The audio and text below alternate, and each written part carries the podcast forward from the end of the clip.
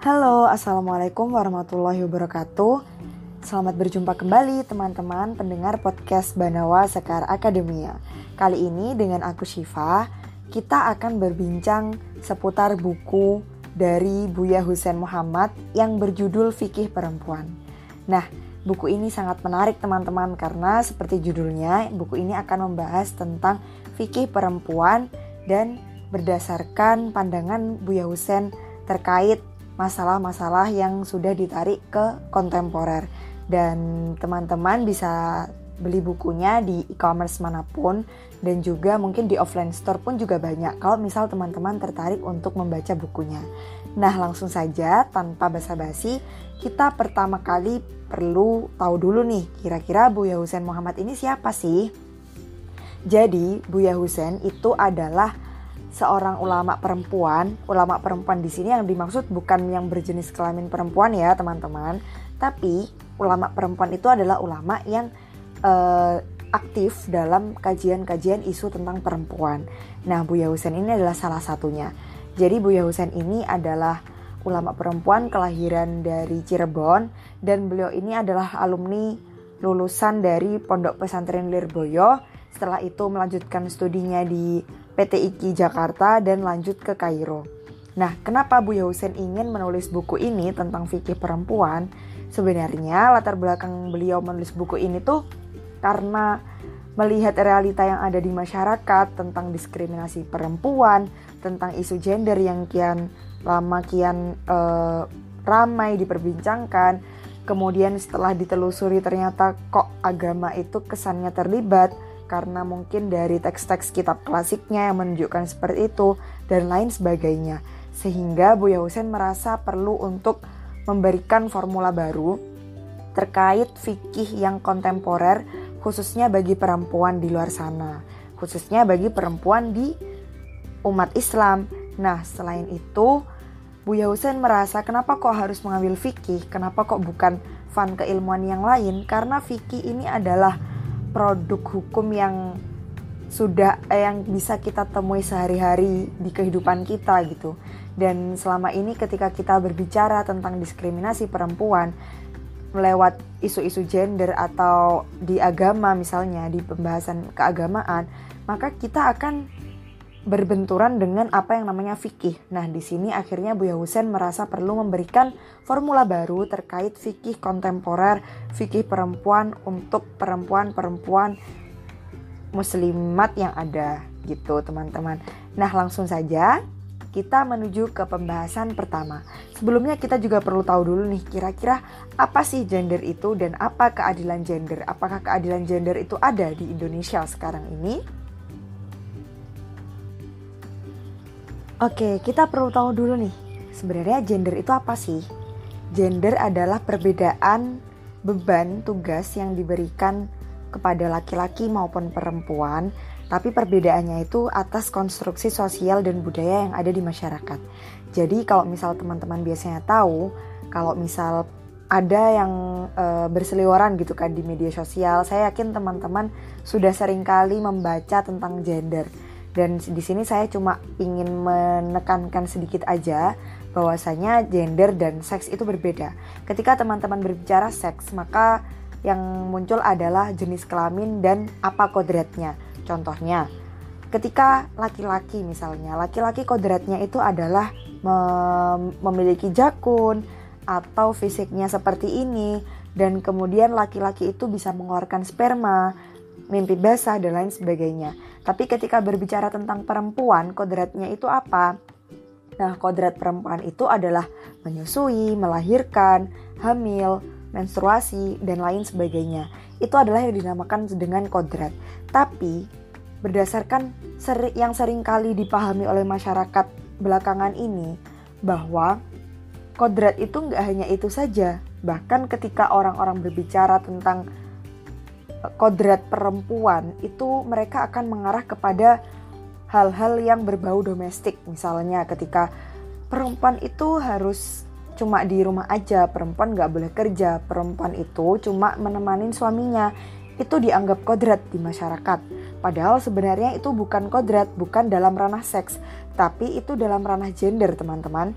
Jadi ini perlu digarisbawahi terlebih dahulu apa itu gender dan apa itu seks seperti itu. Nah, ketika teman-teman sudah mengetahui gender, maka kita akan berbincang tentang keadilan gender. Apakah keadilan gender ada di Indonesia? Ketika kita melihat realita yang ada di masyarakat, pasti teman-teman semuanya juga sudah menyadari bahwasanya sangat sulit untuk dikatakan bahwa keadilan gender di Indonesia masih sangat kurang. Ketika kita berbicara tentang isu-isu tentang gender itu ada banyak sekali seperti contohnya ada marginalisasi, kemudian subordinasi, diskriminasi, kekerasan, pelecehan, dan lain sebagainya dan itu semua dialami oleh perempuan. Banyak sekali fakta-fakta yang menunjukkan seperti itu. Contohnya, ketika kita berbicara misalnya di di Jawa ya, ada istilah yang mengatakan bahwa perempuan itu adalah konco wingking, misalnya. Konco wingking itu kan adalah teman belakang. Maksudnya itu adalah perempuan itu hanya sebagai nomor dua. Perempuan itu hanya di bawahnya laki-laki. Maksudnya perempuan itu nggak usah bekerja di publik, di ranah publik gitu. Kemudian ada juga istilah perempuan itu swargo nunut neroko katut. Swargo itu surga, surga itu keikut, tapi ketika neraka dia juga keikut. Jadi ibaratnya kayak ketika suaminya masuk surga ya istrinya akan masuk surga. Tapi kalau suaminya masuk neraka ya dia akan ikut masuk neraka seperti itu. Seakan-akan wanita ini nggak memiliki posisi sendiri gitu dalam kehidupannya atau dalam kemerdekaannya sehingga di situ sudah bisa terlihat bahwasanya perempuan ini mengalami diskriminasi, marginalisasi ataupun subordinasi. Kemudian juga tidak hanya itu, misalnya dalam dunia kerja. Dalam dunia kerja perempuan sering mengalami diskriminasi. Perempuan yang memiliki beban kerja sama dengan laki-laki tetapi memiliki penghasilan yang berbeda. Itu adalah salah satu bentuk diskriminasi yang dialami oleh perempuan. Kemudian ketika kita melihat realita yang banyak di masyarakat bahwasanya banyak sekali anak-anak perempuan di bawah umur yang sudah menikah dengan alasan misalnya ekonomi, atau takut menimbulkan fitnah dan lain sebagainya.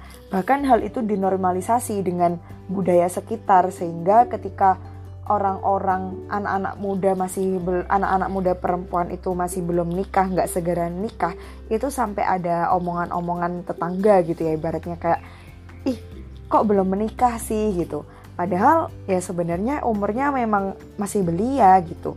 Dari situ sudah terlihat bahwa keadilan gender di Indonesia itu masih sangat minim. Nah, kemudian femi, para feminis, para aktivis feminis itu me, menganalisa apa yang terjadi dan kemudian mendapatkan kesimpulan tentang kodrat tadi gitu, teman-teman. Padahal teman uh, padahal yang dianggap kodrat oleh banyak orang tadi itu sebenarnya adalah konstruksi sosial sehingga apa yang di maksud tentang oh perempuan itu harus di rumah aja perempuan nggak boleh bekerja perempuan nggak boleh main di luar itu adalah sebuah bentuk konstruksi sosial bukan sebuah kodrat yang harus dilakukan oleh perempuan. Sehingga dari sini perempuan tidak e, dapat dikatakan tidak mendapatkan haknya hak kemerdekaannya gitu.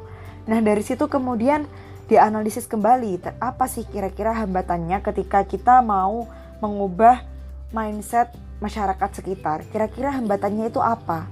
Ternyata di situ agama terlibat aktif, terlibat secara sangat berpengaruh besar gitu terhadap uh, konstruksi sosial dan budaya yang ada di masyarakat. Contohnya ketika misalnya banyak sekali tokoh-tokoh agama yang malah juga maaf ya teman-teman karena agak sedikit batuk ini ya jadi banyak sekali tokoh-tokoh agama yang menyampaikan tentang pro-nya mereka terhadap teks-teks agama yang mungkin sifatnya dirasa mendiskriminasi perempuan. Ketika tokoh agama ikut terjun dalam hal itu, maka pasti banyak masyarakat, apalagi tentunya masyarakat awam, akan mengiyakan saja dan merasa itu adalah sebuah sesuatu yang benar dan sesuatu yang normal gitu. Kemudian juga banyak sekali teks-teks agama yang memang menunjukkan dan mendukung adanya subordinasi atau isu-isu gender yang lain kepada perempuan. Contohnya ketika kita melihat Quran surat An-Nisa ayat 34 yang berbunyi Arija lukawamuna ala nisa, maka di situ kita membaca penafsirannya, membaca ijtihad para ulama itu menyampaikan bahwasanya laki-laki itu emang sebagai pemimpin dari perempuan. Dari situ akhirnya semuanya menganggap bahwa oke okay, berarti laki-laki itu nomor satu dan perempuan itu berarti di bawahnya atau perempuan itu adalah nomor dua. Dari situ semakin dinormal, dinormalisasi sehingga masyarakat kemudian menjadikan itu sebagai bentuk sosial gitu kan bahwa itu adalah diiakan secara tidak langsung gitu. Kemudian dari sini akhirnya Bu Husen merasa perlu untuk memberikan kajian-kajian baru, memberikan insight baru apakah sebenarnya teks-teks agama itu akan seperti itu. Maksudnya apakah teks-teks agama itu mendiskriminasikan perempuan? Pasti tidak mungkin kan. Nah, dari situ perlu pengkajian ulang, pengkajian baru dan untuk mendapatkan uh, regulasi baru atau untuk mendapatkan insight baru tentang isu-isu keperempuanan agar lebih relevan dengan apa yang terjadi di masyarakat saat ini. Dari situ Buya Husen akhirnya menyampaikan beberapa hukum-hukum fikih tentunya khususnya sesuai judul buku ini yaitu tentang isu-isu perempuan. Nah, di sini ada tiga bab teman-teman. Yang pertama itu ada tafsir baru fikih ibadah, kemudian ada kontekstualisasi fikih munakahah, dan juga ada yang terakhir itu adalah advokasi fikih muamalah siasah. Jadi Buya Husen membagi pembagian-pembagian fikihnya itu ada tiga bagian dari ibadah, kemudian juga pernikahan, dan selanjutnya yang terakhir itu adalah tentang muamalah hubungan hubungan muamalah dan juga siasah politik seperti itu teman-teman. Nah, tanpa panjang lebar, mari kita menuju ke pembahasan yang pertama yaitu adalah tentang fikih ibadah. Nah, sesuai namanya fikih ibadah, maka di sini akan memaparkan eh, hukum-hukum uh, yang berkaitan dengan ibadah gitu kan. Nah, yang pertama itu ada kepemimpinan dalam sholat, kemudian ada khitan perempuan, dan juga ada batas aurat perempuan. Jadi di sini Buya Husen memberikan uh, kajian baru gitu kan tentang apa yang selama ini mungkin terkesan kaku dan terkesan tidak berpihak pada perempuan gitu, terkesan meribetkan perempuan sehingga di sini Bu Yausen dengan memberikan beberapa pendapat atau dengan memberikan beberapa uh, pendukung gitu ya, pendukung dari teks-teks keagamaan yang lain itu menjadikan adanya bentuk sebuah fikih baru tentang hukum di dalam ibadah. Misalnya ketika kepemimpinan dalam sholat.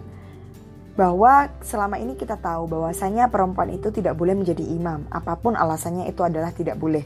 Tapi ketika sudah ditelusuri oleh Bu Yausen, ternyata poinnya itu apa sih ketika perempuan itu nggak boleh jadi imam? Padahal kita tidak menemukan dalam teks Al-Quran, dalam ayat-ayat Al-Quran tidak ditemukan sama sekali bahwasanya perempuan itu tidak boleh menjadi imam.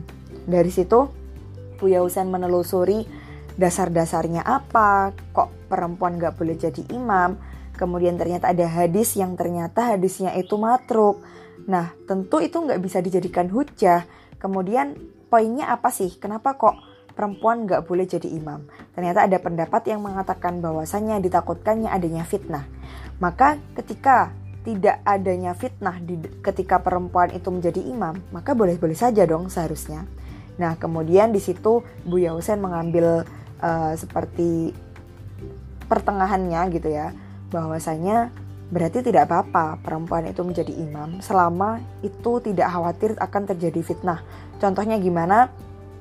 Contohnya ketika di rumah misalnya ada kakek-kakek dan juga ada anak kecil laki-laki yang sekeluarga kemudian karena nggak bisa ngimami ya mau nggak mau ya perempuan ini harus ngimami gitu.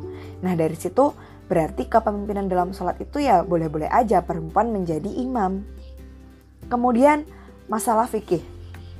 Fikih lagi masalah khitan perempuan. Nah, teman-teman pasti banyak sekali dengar apalagi kalau di daerah Jawa gitu ya. Itu banyak sekali yang bilang kalau perempuan itu disunahkan untuk hitan, bahkan ketika dia baru masih baru lahir gitu. Apakah sebenarnya hitan ini sunnah? Apakah hitan ini diperbolehkan dalam syariat atau seperti apa? Apakah memang dianjurkan? Nah, ketika setelah itu ditelusuri oleh Buya Husen, ternyata hitan bagi perempuan itu malah menimbulkan banyak mudorot. Kenapa? Kan kalau misal teman-teman baca dari keilmuan yang lain, teman-teman itu akan mengerti kenapa kok hitan atau kalau di dalam dunia modern itu namanya adalah FGM, itu kenapa dilarang.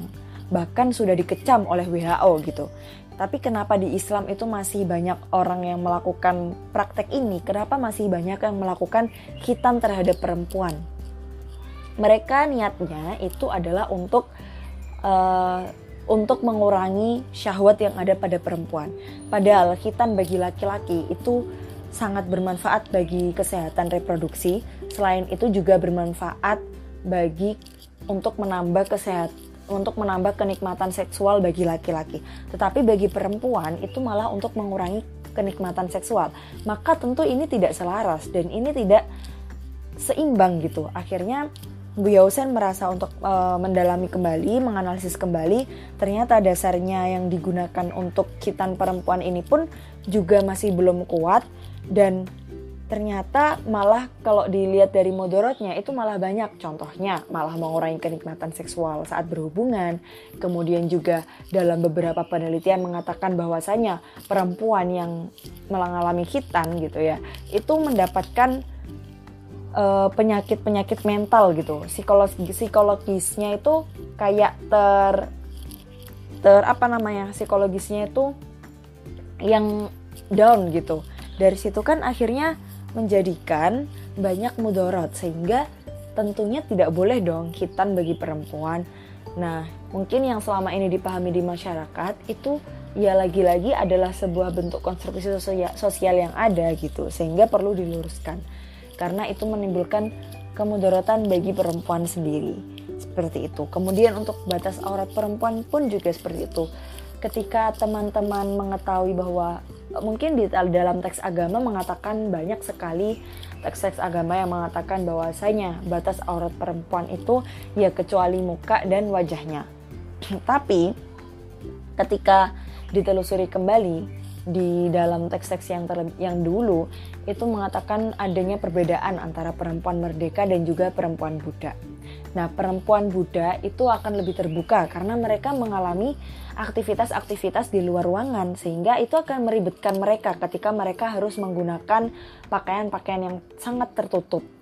Nah, tapi ketika kita tarik di masa sekarang, ternyata banyak sekali perempuan yang juga bekerja di luar. Bahkan sekarang juga nggak ada budak, emang semuanya merdeka dan semuanya aktivitas di luar. Maka apakah wajah dan tangan itu masih masih menjadi patokan? Tentu saja tidak. Tentu saja lagi-lagi aurat itu bukanlah yang ditentukan oleh teks agama, melainkan itu adalah sebuah bentuk hukum yang ditentukan oleh sosial yang ada. Selama sosialnya sudah berkembang, ya maka tidak akan sekaku dulu gitu. Nah, dari situ dari fikih ibadah ini teman-teman sudah bisa menangkapkan kira-kira uh, ketik buku ini kira-kira arahnya ke mana. Jadi buku ini tuh kayak menyampaikan uh, bukan kelonggaran ya sebenarnya. Ya mungkin bisa dikatakan kelonggaran juga, tapi ini juga berdasarkan pendapat-pendapat juga dan juga berdasarkan argumentasinya itu emang ya masuk akal juga gitu loh berdasarkan akal dan juga agama sehingga bisa dipertimbangkan apa yang ditulis oleh Buya Hussein ini. Seperti itu teman-teman. Oke, selanjutnya kita menuju ke kontekstualisasi fikih munakahah dan juga advokasi fikih muamalah siasa. Nah, di sini saya nggak akan menjelaskan semuanya karena ini nanti bakalan panjang banget. Kalau teman-teman kepo dengan isinya, lebih detailnya, teman-teman bisa langsung beli bukunya atau pinjam ke teman yang punya atau pinjam di perpustakaan yang ada. Karena buku ini sangat berguna, bermanfaat, apalagi buat teman-teman yang perempuan gitu ya. Apalagi sebenarnya buat laki-laki pun juga sangat berguna gitu agar mereka nggak salah mempersepsikan gitu. Nah ini saya sangat merekomendasikan buku ini untuk dipahami dan dipelajari agar teman-teman itu tahu bahwasanya sebenarnya Islam itu nggak ribet. Islam itu nggak kaku.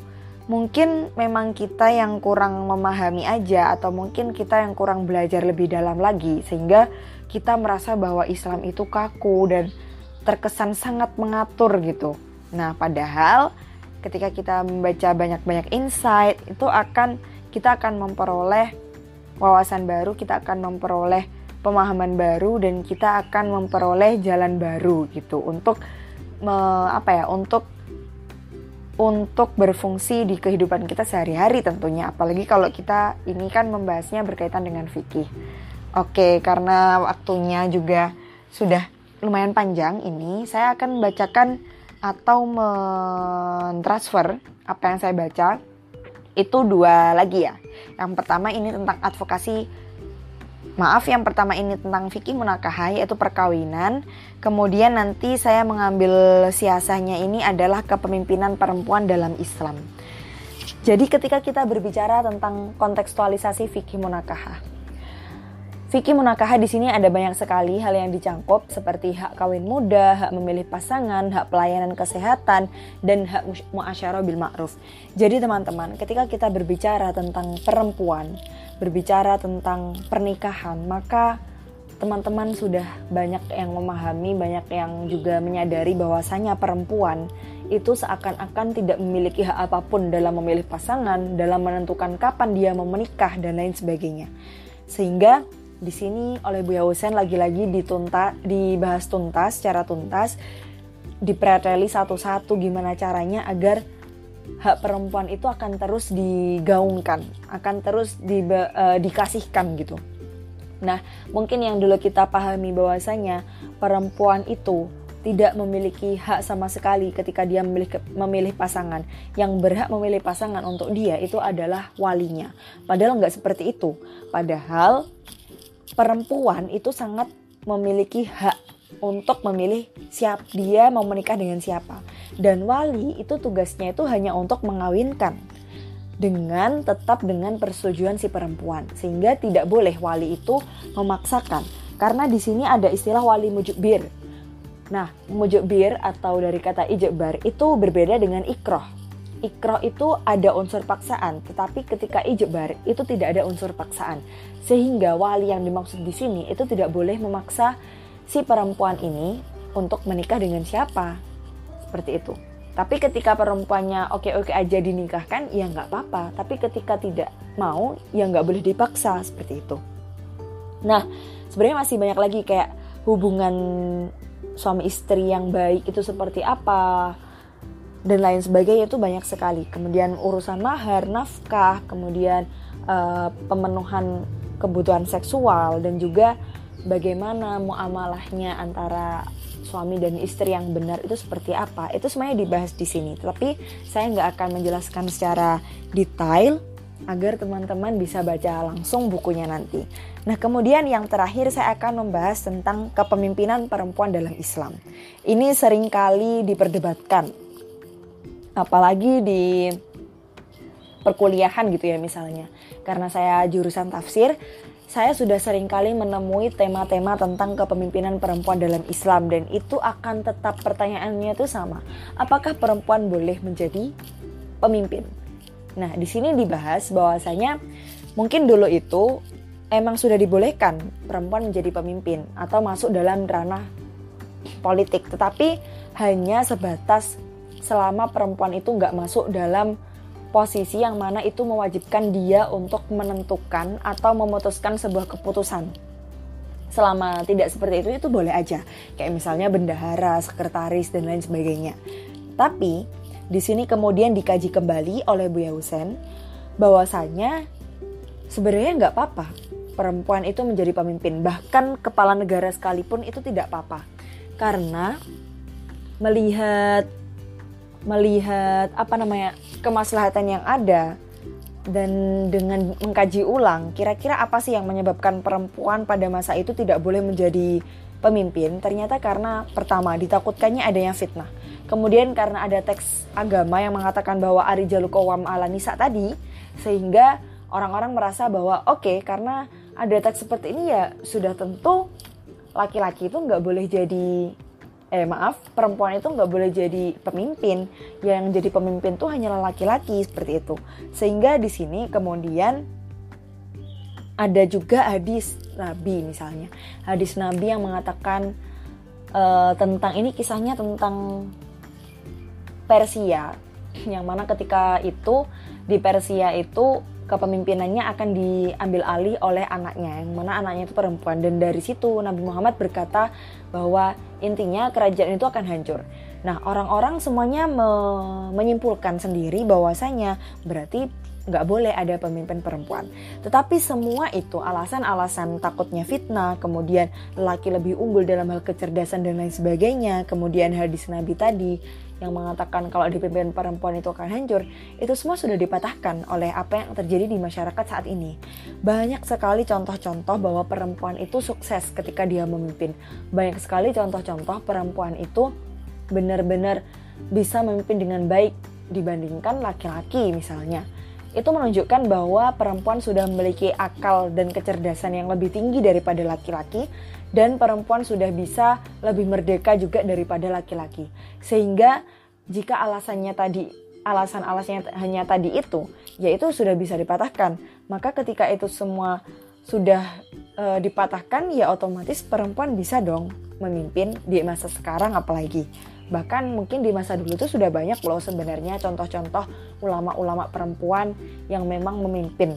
Teman-teman juga bisa baca banyak sekali ulama-ulama perempuan yang memimpin dan itu sukses. Itu teman-teman bisa baca di bukunya Buya Husen juga yang berjudul Perempuan di atas panggung sejarah.